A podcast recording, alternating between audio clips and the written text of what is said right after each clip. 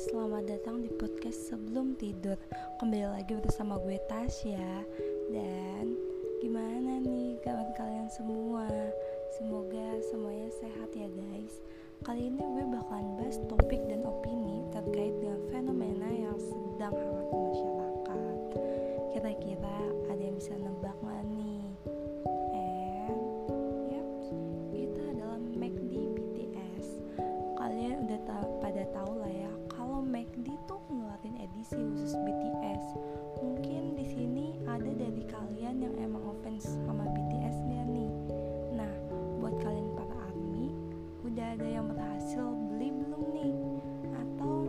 Jadi tim yang berusaha buat dapetinnya?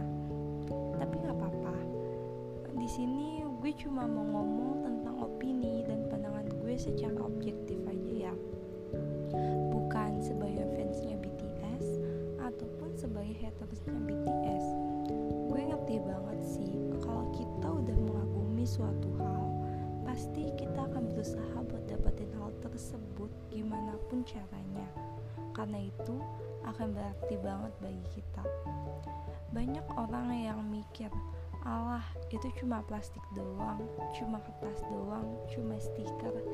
Tapi di sini gue ngerti banget bahwa itu semua punya value tertentu yang sangat berarti bagi seseorang dan kita nggak boleh ngejudge hal itu sama sekali. Nah, yang menjadi concern gue di sini adalah kerumunan Iya, kita tahu walaupun sekarang udah ada vaksin, tapi bukan berarti COVID udah nggak ada. Coba deh, lo semua yang udah baca berita ataupun nonton videonya, lo semua bisa lihat kondisi McD di hari pertama munculnya McD X BTS ini. Hancur cuy, ramenya gila banget deh. Lo bisa lihat itu di berita ataupun foto-foto yang tersebar di internet. Dan gue juga ngeliat dengan mata kepala gue sendiri pas gue lewat di McD dekat rumah gue kalau emang antriannya tuh udah penuh banget. Bahkan sampai parkiran itu dipenuhi sama ojol. Kalau menurut gue sih itu udah parah banget sih. Bener-bener kerumunan orang yang terjadi. And sorry to say cuman demi McD BTS sekali lagi di sini gue tegasin kalau gue bukannya gak ngerti value dari suatu barang tapi dengan kondisi yang saat ini terjadi harusnya kita bisa lebih mengerti. Maksud gue tuh kayak lu gak perlu segila itu juga loh. Iya itu barang emang berharga tapi kan tetap harus lihat situasi dan kondisi gitu loh maksud gue. Nah keprihatinan gue ngeliat nasib dari ribuan ojol yang ngantri dan nungguin pesanan kalian dari McD kalian emang bener sih ngemanfaatin teknologi dan aplikasi yang ada. Tapi harusnya kalian sadar bahwa ada ribuan orang yang berpikiran sama dengan kalian dalam satu waktu tertentu dan tertuju pada tempat yang sama. Coba kalian lihat itu ojol bisa ngantri berjam-jam jujur gue kasihan banget sih ngeliatnya. Gue yang ngantri makanan di food court aja 15 menit udah males banget. Apalagi ini yang bisa sampai 2 jam lebih. Belum lagi mereka yang istilahnya tuh yang kalian korbankan untuk menjadi tameng.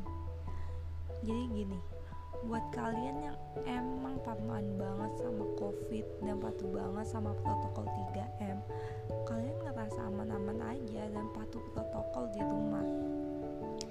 Tapi itu kalian jadiin kalian jadinya ngorbanin orang lain cuy. Kalian bikin orang lain masuk dan terlibat di dalam kerumunan dalam kondisi yang kayak gini tanpa kalian tahu. Sebenarnya kondisi mereka serta umur mereka tuh yang mungkin aja udah rentan. Nih ya gue kasih tahu mereka tuh nggak bisa apa-apa kalau nge-cancel orderan kalian mereka akan akan kena suspend. Jadi mau nggak mau mereka harus nyelesain orderannya itu. Menurut gue nih ya kalau kalian ngasih tips itu tetap nggak bakal sepadan dengan perjalanan yang mereka yang istilahnya itu menantang maut mau kalian bayar mereka seberapa gede tapi tetap ada yang namanya nilai moral masa kalian tega sih mau ngorbanin orang lain? Itu aja sih komen dan pandangan gue. Kalau kalian nanya soal solusi gue cuma bisa bilang supaya kalian gak usah terlalu heboh lah. Kalau emang rame banget atau nggak memungkinkan untuk beli di hari itu kan bisa di next day-nya kalian beli. Terus ini yang penting banget sih. Pihak pihak McD harusnya tegas terhadap kebijakannya. Mereka harusnya bisa ngebatasin limit orderan yang masuk. Setahu gue ya kan orderan yang masuk itu dikonfirmasi dulu nih dari pihak resto ya kan? Baru setelah itu dikon setelah dikonfirmasi nyari driver tuh yang mau ambil. Nah harusnya dari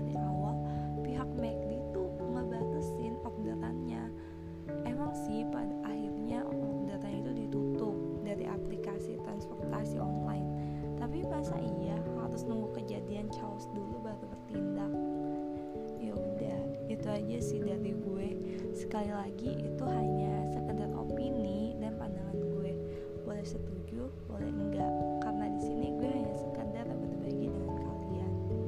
Oh ya yang terakhir jangan lupa untuk follow dan share podcast sebelum tidur ke semua sosial media yang kamu punya. Dan dengerin terus ya podcast dari kami. Sampai ketemu di podcast gue yang berikutnya. Thank you for listening and goodbye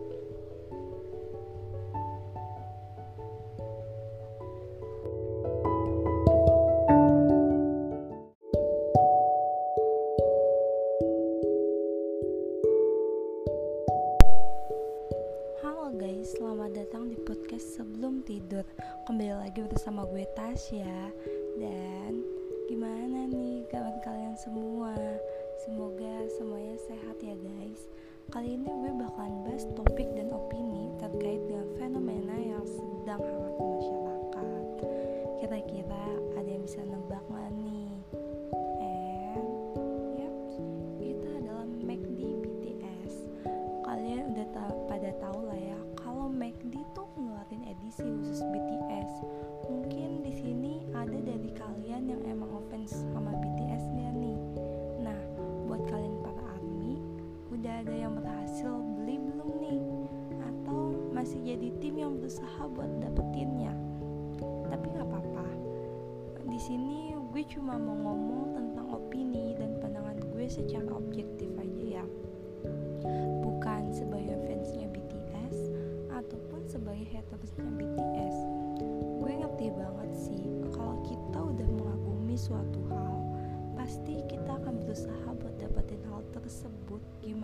caranya karena itu akan berarti banget bagi kita banyak orang yang mikir Allah itu cuma plastik doang, cuma kertas doang, cuma stiker.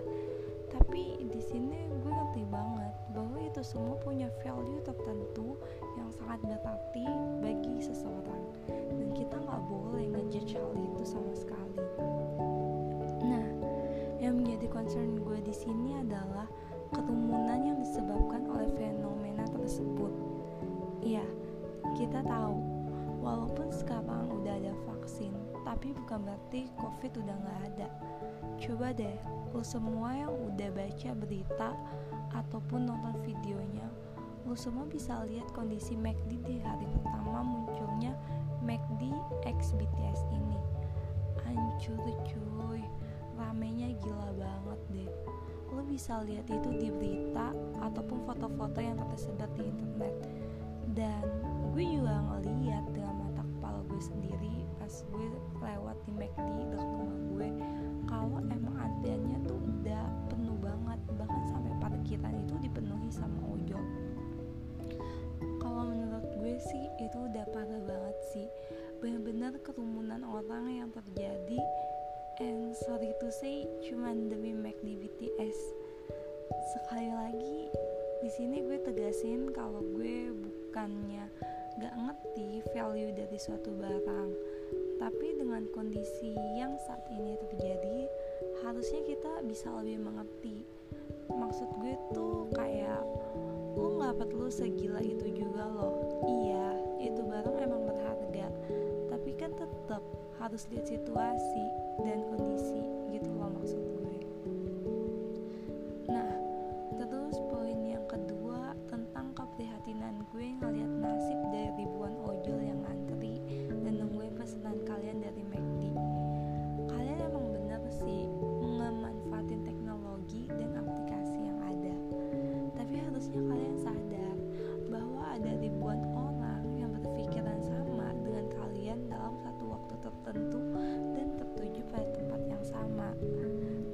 kalian lihat itu ojol bisa ngantri berjam-jam.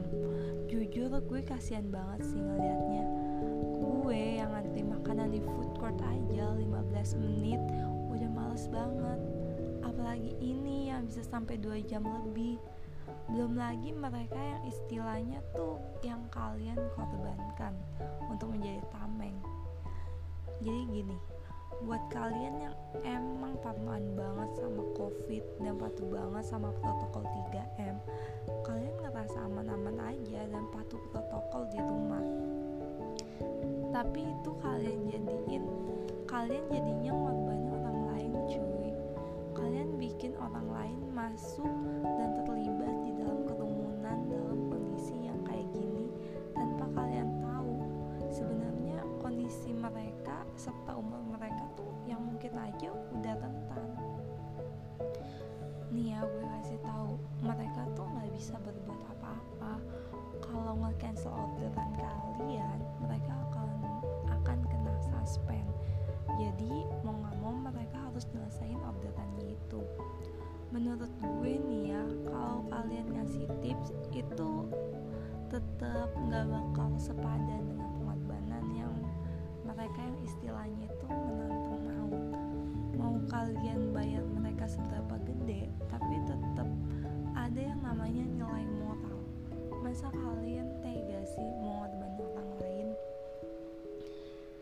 itu aja sih komen dan pandangan gue. Kalau kalian nanya soal solusi gue cuma bisa bilang supaya kalian gak usah terlalu heboh lah. Kalau emang rame banget atau nggak memungkinkan untuk beli di hari itu kan bisa di next day-nya kalian beli. Terus ini yang penting banget sih. Pihak pihak McD harusnya tegas terhadap kebijakannya. Mereka harusnya bisa ngebatasin limit orderan yang masuk setahu gue ya kan orderan yang masuk itu dikonfirmasi dulu nih dari pihak resto ya kan? Baru setelah itu dikon setelah dikonfirmasi nyari driver tuh yang mau ambil. Nah harusnya dari awal pihak McD tuh ngebatasin orderannya emang sih pada akhirnya orderan itu ditutup dari aplikasi transportasi online. Tapi masa iya chaos dulu baru bertindak. Ya udah itu aja sih dari gue. Sekali lagi itu hanya sekedar opini dan pandangan gue. Boleh setuju boleh enggak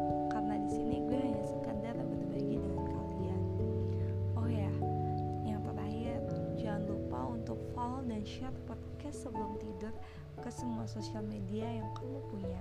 Dan dengerin terus ya podcast dari kami. Sampai ketemu di podcast gue yang berikutnya. Thank you for listening and goodbye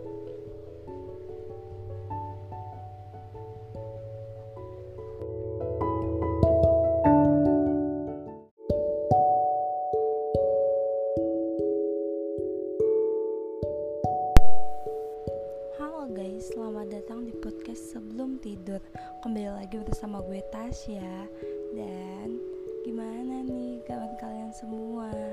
Semoga semuanya sehat ya guys. Kali ini gue bakalan bahas topik dan opini terkait dengan fenomena yang sedang hangat di masyarakat. Kira-kira ada yang bisa nebak gak nih?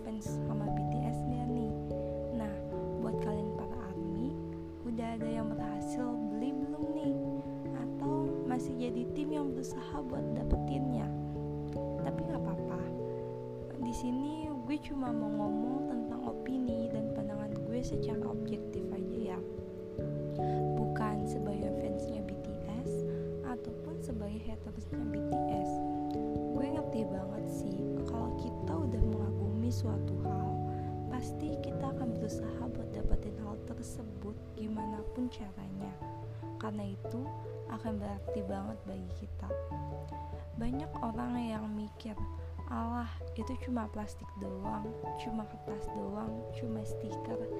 Tapi di sini gue ngerti banget bahwa itu semua punya value tertentu yang sangat berarti bagi seseorang dan kita nggak boleh ngejudge hal itu sama sekali.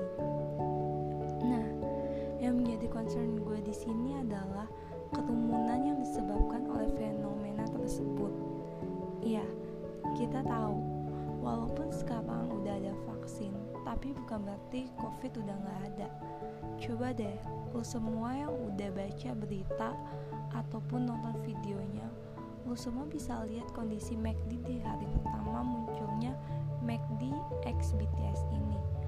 Hancur cuy. Ramenya gila banget deh lo bisa lihat itu di berita ataupun foto-foto yang tersebar di internet. Dan gue juga ngeliat dengan gue sendiri pas gue lewat di McD dekat rumah gue kalau emang antriannya tuh udah penuh banget. Bahkan sampai parkiran itu dipenuhi sama ojol. Kalau menurut gue sih itu udah parah banget sih. Benar-benar kerumunan orang yang terjadi and sorry to say cuman demi McD BTS sekali lagi di sini gue tegasin kalau gue bukannya gak ngerti value dari suatu barang. Tapi dengan kondisi yang saat ini terjadi harusnya kita bisa lebih mengerti. Maksud gue tuh kayak lu gak perlu segila itu juga loh. Iya itu barang emang berharga tetap harus lihat situasi dan kondisi gitu loh maksud gue.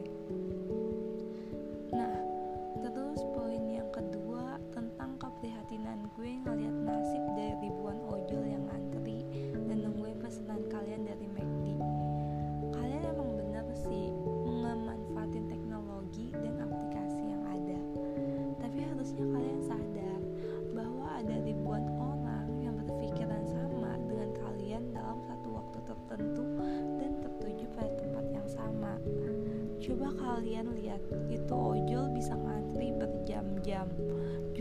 gue kasihan banget sih ngelihatnya gue yang ngantri makanan di food court aja 15 menit udah males banget. Apalagi ini yang bisa sampai 2 jam lebih. Belum lagi mereka yang istilahnya tuh yang kalian korbankan untuk menjadi tameng. Jadi gini buat kalian yang emang parnoan banget sama covid dan patuh banget sama protokol 3M kalian ngerasa aman-aman aja dan patuh protokol di rumah. Tapi itu kalian jadiin kalian jadinya ngorbanin orang lain cuy. Kalian bikin orang lain masuk dan terlibat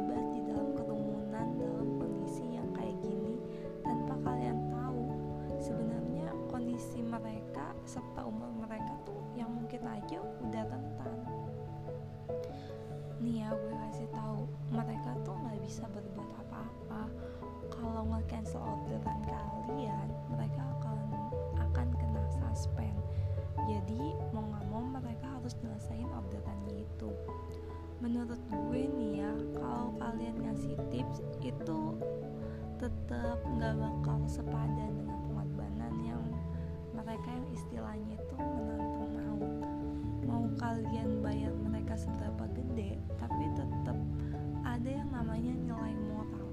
Masa kalian tega sih mengorbankan orang lain? Itu aja sih komen dan pandangan gue kalau kalian nanya soal solusi gue cuma bisa bilang supaya kalian gak usah terlalu heboh lah. Kalau emang rame banget atau nggak memungkinkan untuk beli di bisa di next day-nya kalian beli. Terus ini yang penting banget sih. Pihak pihak McD harusnya tegas terhadap kebijakannya. Mereka harusnya bisa ngebatasin limit orderan yang masuk. Setahu gue ya kan orderan yang masuk itu dikonfirmasi dulu nih dari pihak resto ya kan? Baru setelah itu dikon setelah dikonfirmasi nyari driver itu yang mau ambil. Nah harusnya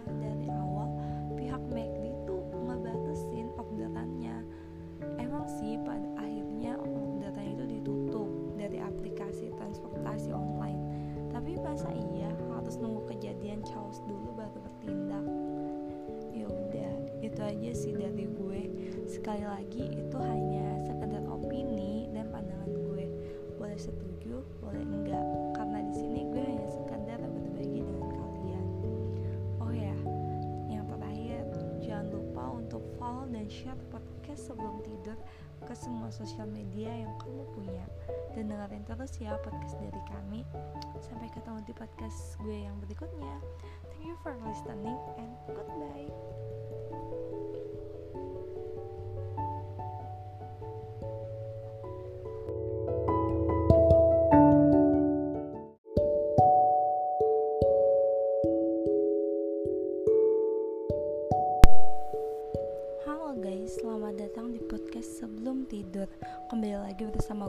Tasya Dan gimana nih kawan kalian semua? Semoga semuanya sehat ya guys. Kali ini gue bakalan bahas topik dan opini terkait dengan fenomena yang sedang hangat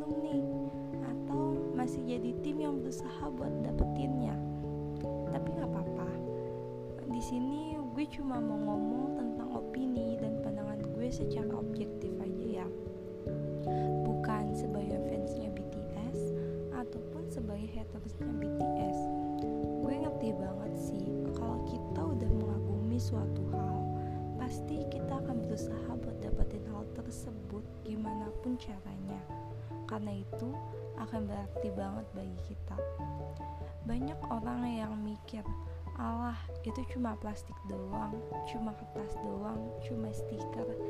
Tapi di sini gue ngerti banget bahwa itu semua punya value tertentu yang sangat berarti bagi seseorang dan kita nggak boleh ngejudge hal itu sama sekali. Nah, yang menjadi concern gue di sini adalah kerumunan yang disebabkan oleh fenomena tersebut. Iya, kita tahu walaupun sekarang udah ada vaksin, tapi bukan berarti COVID udah nggak ada.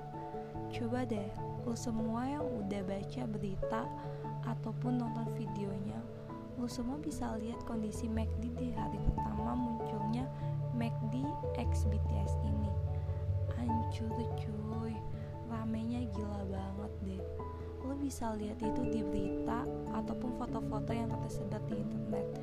Dan gue juga ngeliat dengan mata kepala gue sendiri pas gue lewat di McD dekat rumah gue kalau emang antriannya tuh udah penuh banget. Bahkan sampai parkiran itu dipenuhi sama ojol. Kalau menurut gue sih itu udah parah banget sih. Benar-benar kerumunan orang yang terjadi and sorry to say cuman demi McD BTS sekali lagi di sini gue tegasin kalau gue bukannya gak ngerti value dari suatu barang. Tapi dengan kondisi yang saat ini terjadi harusnya kita bisa lebih mengerti. Maksud gue tuh kayak lo gak perlu segila itu juga loh. Iya itu barang emang berharga harus lihat situasi dan kondisi gitu loh maksud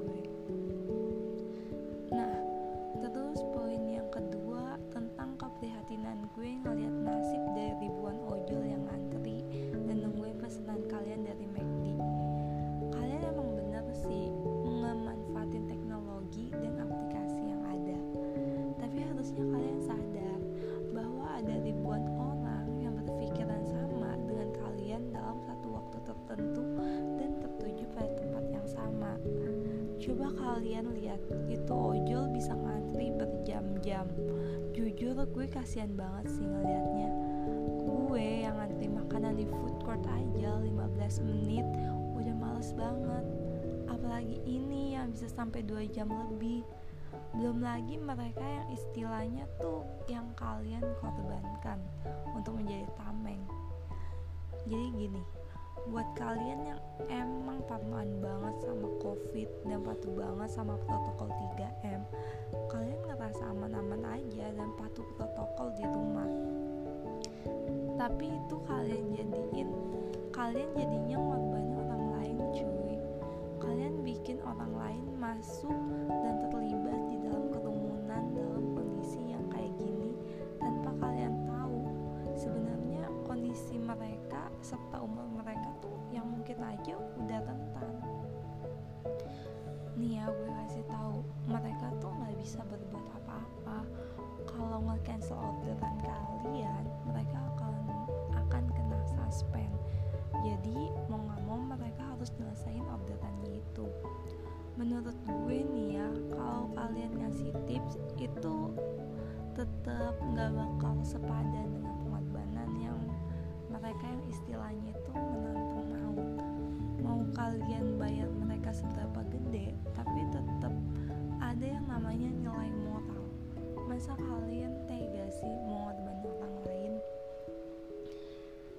itu aja sih komen dan pandangan gue. Kalau kalian nanya soal solusi gue cuma bisa bilang supaya kalian gak usah terlalu heboh lah. Kalau emang rame banget atau nggak memungkinkan untuk beli di hari itu kan bisa di next day-nya kalian beli. Terus ini yang penting banget sih. Pihak pihak McD harusnya tegas terhadap kebijakannya. Mereka harusnya bisa ngebatasin limit orderan yang masuk setahu gue ya kan orderan yang masuk itu dikonfirmasi dulu nih dari pihak resto ya kan? Baru setelah itu dikon setelah dikonfirmasi nyari driver itu yang mau ambil. Nah harusnya dari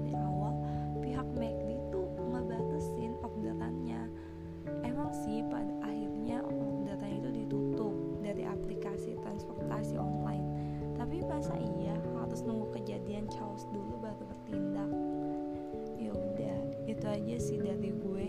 Sekali lagi itu hanya sekedar opini dan pandangan gue. Boleh setuju boleh enggak.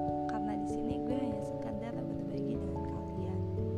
Oh ya yang terakhir jangan lupa untuk follow dan share podcast sebelum tidur ke semua sosial media yang kamu punya. Dan dengerin terus ya podcast dari kami. Sampai ketemu di podcast gue yang berikutnya. Thank you for listening and goodbye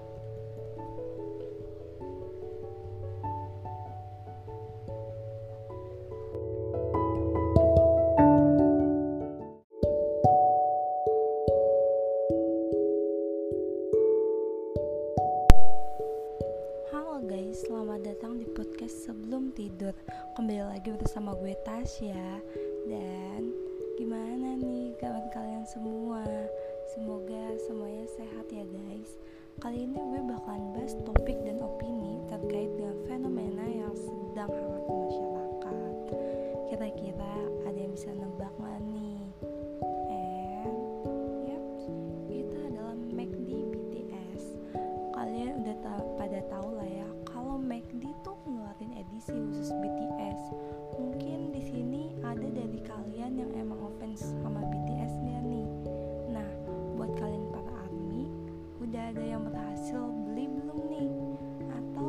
masih jadi tim yang berusaha buat dapetinnya. Tapi nggak apa-apa. Di sini gue cuma mau ngomong tentang opini dan pandangan gue secara objektif aja ya. Bukan sebagai fansnya BTS ataupun sebagai hatersnya BTS gue ngerti banget sih kalau kita udah mengagumi suatu hal pasti kita akan berusaha buat dapetin hal tersebut gimana pun caranya karena itu akan berarti banget bagi kita. Banyak orang yang mikir Allah itu cuma plastik doang, cuma kertas doang, cuma stiker. Tapi di sini gue ngerti banget bahwa itu semua punya value tertentu yang sangat berarti bagi seseorang. Dan kita nggak boleh ngejudge hal itu sama sekali. Nah yang menjadi concern gue di sini adalah kerumunan yang disebabkan oleh fenomena tersebut. Iya kita tahu. Walaupun sekarang udah ada vaksin tapi bukan berarti covid udah nggak ada. Coba deh lo semua yang udah baca berita ataupun nonton videonya lo semua bisa lihat kondisi McD di hari pertama munculnya McD X BTS ini. Hancur cuy. Ramenya gila banget deh lo bisa lihat itu di berita ataupun foto-foto yang tersebar di internet. Dan gue juga ngeliat dengan mata kepala gue sendiri pas gue lewat di McD dekat rumah gue kalau emang antriannya tuh udah penuh banget. Bahkan sampai parkiran itu dipenuhi sama ojol. Kalau menurut gue sih itu udah parah banget sih. Benar-benar kerumunan orang yang terjadi and sorry to say cuman demi McD BTS sekali lagi di sini gue tegasin kalau gue bukannya gak ngerti value dari suatu barang. Tapi dengan kondisi yang saat ini terjadi harusnya kita bisa lebih mengerti. Maksud gue tuh kayak lu nggak perlu segila itu juga loh. Iya itu barang emang harus lihat situasi dan kondisi gitu loh maksud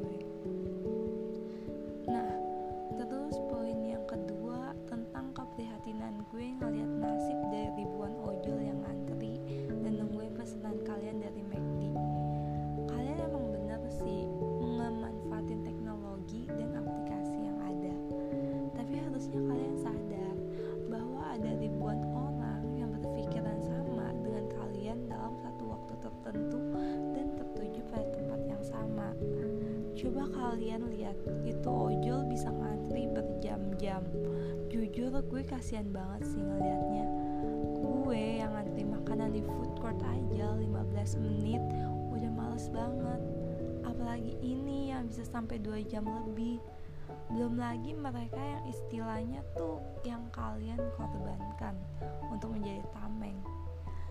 Jadi gini buat kalian yang emang patuhan banget sama covid dan patuh banget sama protokol 3M kalian ngerasa aman-aman aja dan patuh protokol di rumah. Tapi itu kalian jadiin kalian jadinya ngorbanin orang lain cuy. Kalian bikin orang lain masuk dan terlibat di dalam kerumunan dalam kondisi yang kayak gini tanpa kalian tahu. Sebenarnya kondisi mereka serta umur mereka tuh yang mungkin aja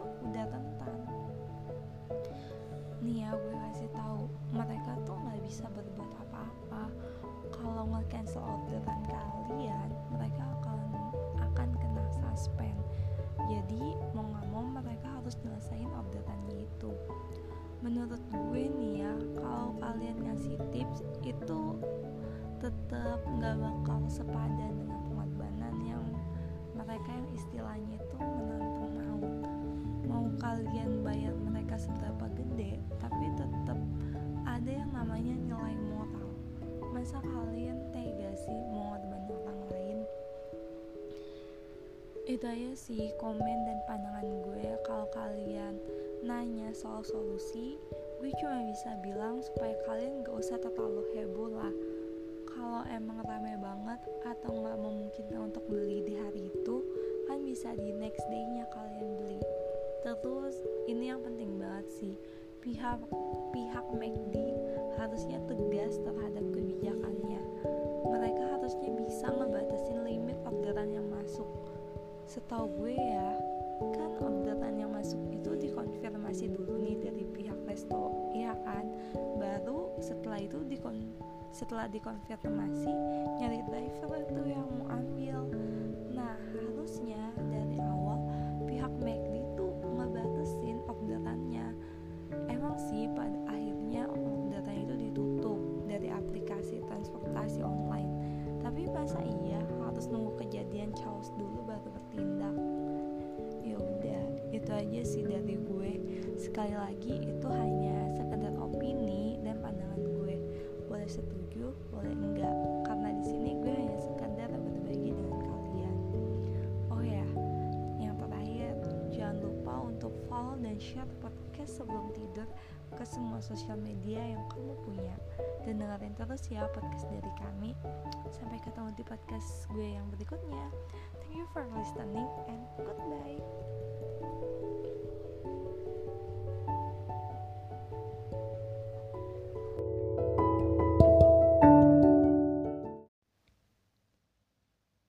Saat itu, langit masih gelap. Ditemani suara rintik hujan yang tenang, seorang gadis mencoba membangunkan diri untuk bangkit dari tidurnya yang lelap. Rasanya, udara di waktu tengah malam seperti ini sangat dingin dan menusuk dalam tubuh. Gadis kecil yang malang. Waktu masih menunjukkan pukul 3 pagi. Hari ini, ia baru saja tertidur dua jam, tapi keadaan memaksanya untuk segera pergi bekerja.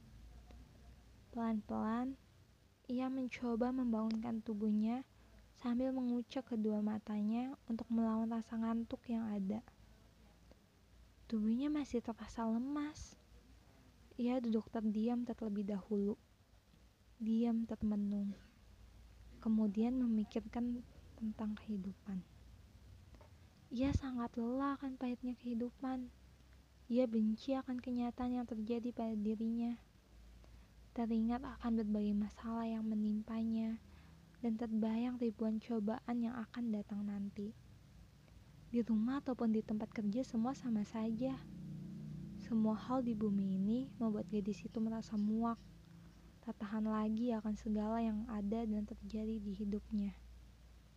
Rasa marah, sedih, kecewa, takut, semua tidak bisa diungkapkan dengan kata-kata. Semua kegelisahan pada dirinya bercampur aduk di dalam hatinya. Kemudian, ia memejamkan mata. Rasanya gadis itu ingin kembali ke masa kecilnya, ketika semuanya baik-baik saja, ketika ia tidak harus merasakan pahitnya kehidupan. Rasanya ia ingin tidur dan terlelap di dalam mimpi yang indah. Rasanya lelah sekali untuk terus-menerus menanggung beban kehidupan. Namun, apa pun yang ada di pikirannya saat itu, ia harus tak menyadari bahwa hidup tidak pernah berhenti. Duduk terdiam dan jatuh ke dalam mimpi tidak akan mengubah kenyataan yang ada. Jika bertanya, siapakah gadis kecil itu? Itu adalah aku. Diri ini sengaja aku buat sebagai cara agar aku tetap semangat untuk melawan kejamnya dunia. Aku sadar betapa kerasnya hidupku saat ini. Aku bukanlah wanita yang cantik. Aku bukan wanita yang istimewa. Aku juga tidak seperti kebanyakan orang yang mendapatkan berbagai privilege di dalam hidupnya. Aku bukanlah siapa-siapa. Tapi Apa pun yang terjadi, aku harus tetap menjalaninya. Itu karena aku sadar bahwa dunia tidak akan berhenti meskipun diri ini menyerah. Aku menyadari bahwa kenyataan yang ada di depan mata terus memaksaku untuk tetap berjuang. Sering rasanya aku ingin menyerah saja, berhenti, dan meninggalkan segalanya. Namun di saat pikiran itu muncul, aku berusaha mengingat bahwa ada sosok yang selalu ada untukku, yang mau mendengarkan segala ocehanku, yang mau selalu menemaniku, dan yang mau selalu rela berkorban untukku. Ia adalah sosok laki-laki yang selalu ada di setiap perjalanan hidupku. Ya, benar. Ia adalah calon pendamping hidupku. Laki-laki yang tidak pernah kubayangkan akan datang dan hadir di hidupku. Ia selalu memujiku, menyemangatiku, dan selalu menemaniku. Ialah yang membuatku sadar akan pentingnya hidup dan sadar untuk mencintai diri sendiri. Ia yang membuatku sadar bahwa di hidup ini masih ada kebahagiaan yang bisa kurasakan. Ya, kebahagiaan ketika aku bersama dengannya. Ketika aku ingin menyerah, aku selalu membayangkan wajahnya. Membayangkan ketika aku pulang nanti, aku akan merasakan hangat pelukannya. Dan ketika aku bersamanya, tenang, Satu kata yang menggambarkan suasana hatiku saat di sampingnya. Aku kemudian sadar, aku harus terus berjuang. Karena apa pun yang kuhadapi dalam hidup, akan selalu indah bila bersamanya. Saat itu, langit masih gelap. Ditemani suara rintik hujan yang tenang, seorang gadis mencoba membangunkan diri untuk bangkit dari tidurnya yang lelap. Rasanya, udara di waktu tengah malam seperti ini sangat dingin dan menusuk dalam tubuh. Gadis kecil yang malang. Waktu masih menunjukkan pukul 3 pagi. Hari ini, ia baru saja tertidur dua jam tapi keadaan memaksanya untuk segera pergi bekerja. Pelan-pelan, ia mencoba membangunkan tubuhnya sambil mengucap kedua matanya untuk melawan rasa ngantuk yang ada. Tubuhnya masih terasa lemas. Ia duduk terdiam terlebih dahulu. Diam termenung. Kemudian memikirkan tentang kehidupan. Ia sangat lelah akan pahitnya kehidupan. Ia benci akan kenyataan yang terjadi pada dirinya. Teringat akan berbagai masalah yang menimpanya dan terbayang ribuan cobaan yang akan datang nanti. Di rumah ataupun di tempat kerja semua sama saja. Semua hal di bumi ini membuat gadis itu merasa muak. Tak tahan lagi akan segala yang ada dan terjadi di hidupnya. Rasa marah, sedih, kecewa, takut, semua tidak bisa diungkapkan dengan kata-kata. Semua kegelisahan pada dirinya bercampur aduk di dalam hatinya. Kemudian, ia memejamkan mata. Rasanya gadis itu ingin kembali ke masa kecilnya, ketika semuanya baik-baik saja, ketika ia tidak harus merasakan pahitnya kehidupan. Rasanya ia ingin tidur dan terlelap di dalam mimpi yang indah. Rasanya lelah sekali untuk terus-menerus menanggung beban kehidupan. Namun, apa pun yang ada di pikirannya saat itu, ia harus tak menyadari bahwa hidup tidak pernah berhenti. Duduk terdiam dan jatuh ke dalam mimpi tidak akan mengubah kenyataan yang ada. Jika bertanya, siapakah gadis kecil itu? Itu adalah aku.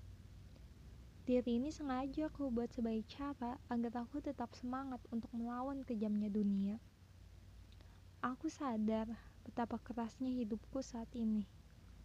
Aku bukanlah wanita yang cantik. Aku bukan wanita yang istimewa. Aku juga tidak seperti kebanyakan orang yang mendapatkan berbagai privilege di dalam hidupnya. Aku bukanlah siapa-siapa.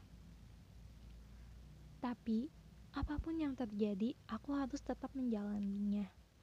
Itu karena aku sadar bahwa dunia tidak akan berhenti meskipun diri ini menyerah.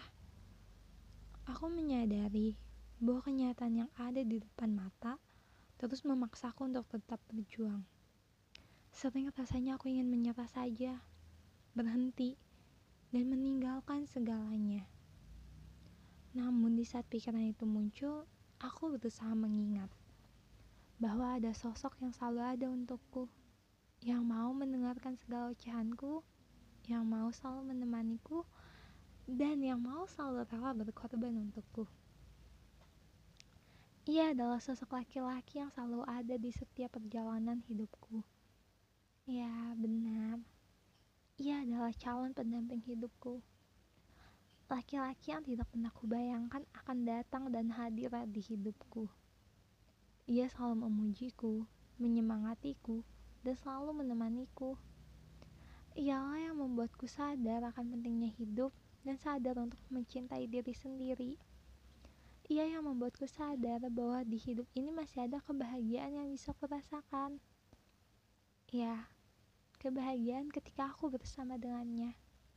Ketika aku ingin menyerah, aku selalu membayangkan wajahnya. Membayangkan ketika aku pulang nanti, aku akan merasakan hangat pelukannya. Dan ketika aku bersamanya, tenang. Satu kata yang menggambarkan suasana hatiku saat di sampingnya. Aku kemudian sadar, aku harus terus berjuang, karena apa pun yang kuhadapi dalam hidup akan selalu indah bila bersamanya. Saat itu, langit masih gelap.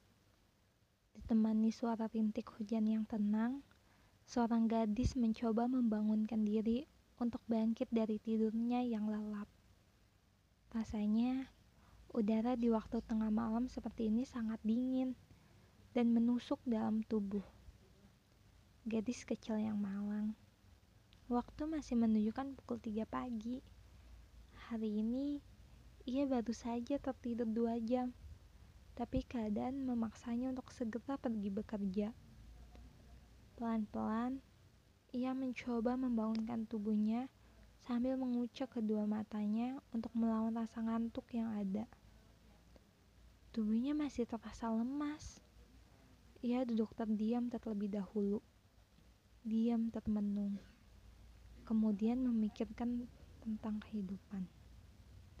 Ia sangat lelah akan pahitnya kehidupan. Ia benci akan kenyataan yang terjadi pada dirinya. Teringat akan berbagai masalah yang menimpanya dan terbayang ribuan cobaan yang akan datang nanti. Di rumah ataupun di tempat kerja semua sama saja. Semua hal di bumi ini membuat gadis itu merasa muak. Tak tahan lagi akan segala yang ada dan terjadi di hidupnya. Rasa marah, sedih, kecewa, takut, semua tidak bisa diungkapkan dengan kata-kata. Semua kegelisahan pada dirinya bercampur aduk di dalam hatinya. Kemudian, ia memejamkan mata. Rasanya gadis itu ingin kembali ke masa kecilnya, ketika semuanya baik-baik saja, ketika ia tidak harus merasakan pahitnya kehidupan. Rasanya ia ingin tidur dan terlelap di dalam mimpi yang indah. Rasanya lelah sekali untuk terus-menerus menanggung beban kehidupan. Namun, apa pun yang ada di pikirannya saat itu, ia harus tak menyadari bahwa hidup tidak pernah berhenti. Duduk terdiam dan jatuh ke dalam mimpi tidak akan mengubah kenyataan yang ada. Jika bertanya, siapakah gadis kecil itu? Itu adalah aku. Diri ini sengaja aku buat sebagai cara agar aku tetap semangat untuk melawan kejamnya dunia. Aku sadar betapa kerasnya hidupku saat ini. Aku bukanlah wanita yang cantik, Aku bukan wanita yang istimewa. Aku juga tidak seperti kebanyakan orang yang mendapatkan berbagai privilege di dalam hidupnya. Aku bukanlah siapa-siapa. Tapi, apa pun yang terjadi, aku harus tetap menjalaninya. Itu karena aku sadar bahwa dunia tidak akan berhenti meskipun diri ini menyerah. Aku menyadari bahwa kenyataan yang ada di depan mata terus memaksaku untuk tetap berjuang. Sering rasanya aku ingin menyerah saja, berhenti, dan meninggalkan segalanya. Namun di saat pikiran itu muncul, aku berusaha mengingat bahwa ada sosok yang selalu ada untukku, yang mau mendengarkan segala ocehanku, yang mau selalu menemaniku, dan yang mau selalu rela berkorban untukku. Ia adalah sosok laki-laki yang selalu ada di setiap perjalanan hidupku. Ya, benar. Ia adalah calon pendamping hidupku. Laki-laki yang tidak pernah kubayangkan akan datang dan hadir di hidupku. Ia selalu memujiku, menyemangatiku, dan selalu menemaniku. Ialah yang membuatku sadar akan pentingnya hidup dan sadar untuk mencintai diri sendiri. Ia yang membuatku sadar bahwa di hidup ini masih ada kebahagiaan yang bisa kurasakan. Ya, kebahagiaan ketika aku bersama dengannya. Ketika aku ingin menyerah, aku selalu membayangkan wajahnya. Membayangkan ketika aku pulang nanti, aku akan merasakan hangat pelukannya. Dan ketika aku bersamanya, tenang. Satu kata yang menggambarkan suasana hatiku saat di sampingnya. Aku kemudian sadar, aku harus terus berjuang, Karena apa pun yang kuhadapi dalam hidup akan selalu indah bila bersamanya. Saat itu, langit masih gelap. Ditemani suara rintik hujan yang tenang, seorang gadis mencoba membangunkan diri untuk bangkit dari tidurnya yang lelap. Rasanya, udara di waktu tengah malam seperti ini sangat dingin dan menusuk dalam tubuh. Gadis kecil yang malang. Waktu masih menunjukkan pukul 3 pagi. Hari ini, ia baru saja tertidur dua jam tapi keadaan memaksanya untuk segera pergi bekerja. Pelan-pelan, ia mencoba membangunkan tubuhnya sambil mengucap kedua matanya untuk melawan rasa ngantuk yang ada. Tubuhnya masih terasa lemas. Ia duduk terdiam terlebih dahulu. Diam termenung. Kemudian memikirkan tentang kehidupan. Ia sangat lelah akan pahitnya kehidupan. Ia benci akan kenyataan yang terjadi pada dirinya. Teringat akan berbagai masalah yang menimpanya dan terbayang ribuan cobaan yang akan datang nanti. Di rumah ataupun di tempat kerja semua sama saja. Semua hal di bumi ini membuat gadis itu merasa muak. Tak tahan lagi akan segala yang ada dan terjadi di hidupnya. Rasa marah, sedih, kecewa, takut, semua tidak bisa diungkapkan dengan kata-kata. Semua kegelisahan pada dirinya bercampur aduk di dalam hatinya.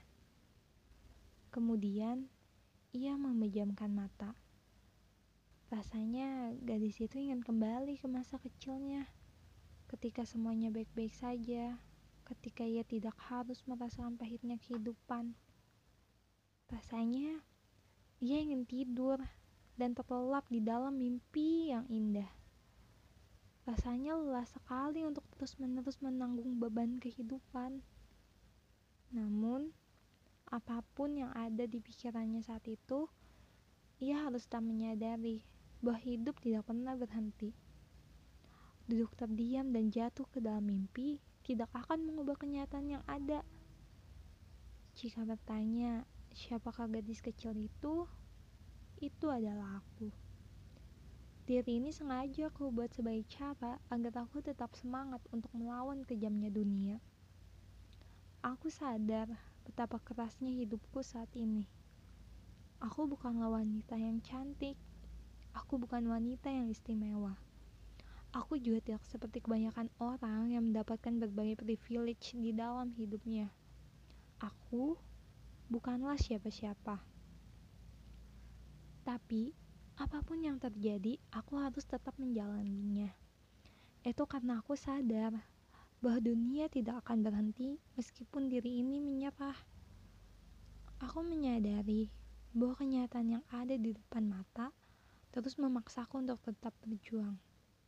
Sering rasanya aku ingin menyerah saja, berhenti, dan meninggalkan segalanya. Namun di saat pikiran itu muncul, aku berusaha mengingat bahwa ada sosok yang selalu ada untukku, yang mau mendengarkan segala ocehanku, yang mau selalu menemaniku, dan yang mau selalu rela berkorban untukku. Ia adalah sosok laki-laki yang selalu ada di setiap perjalanan hidupku. Ya, benar. Ia adalah calon pendamping hidupku. Laki-laki yang tidak pernah kubayangkan akan datang dan hadir di hidupku. Ia selalu memujiku, menyemangatiku, dan selalu menemaniku. Ialah yang membuatku sadar akan pentingnya hidup dan sadar untuk mencintai diri sendiri. Ia yang membuatku sadar bahwa di hidup ini masih ada kebahagiaan yang bisa kurasakan. Ya, kebahagiaan ketika aku bersama dengannya. Ketika aku ingin menyerah, aku selalu membayangkan wajahnya.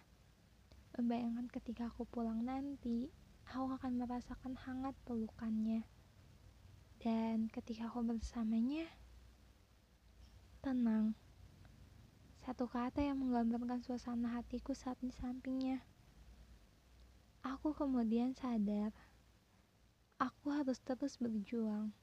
Karena apa pun yang kuhadapi dalam hidup, akan selalu indah bila bersamanya.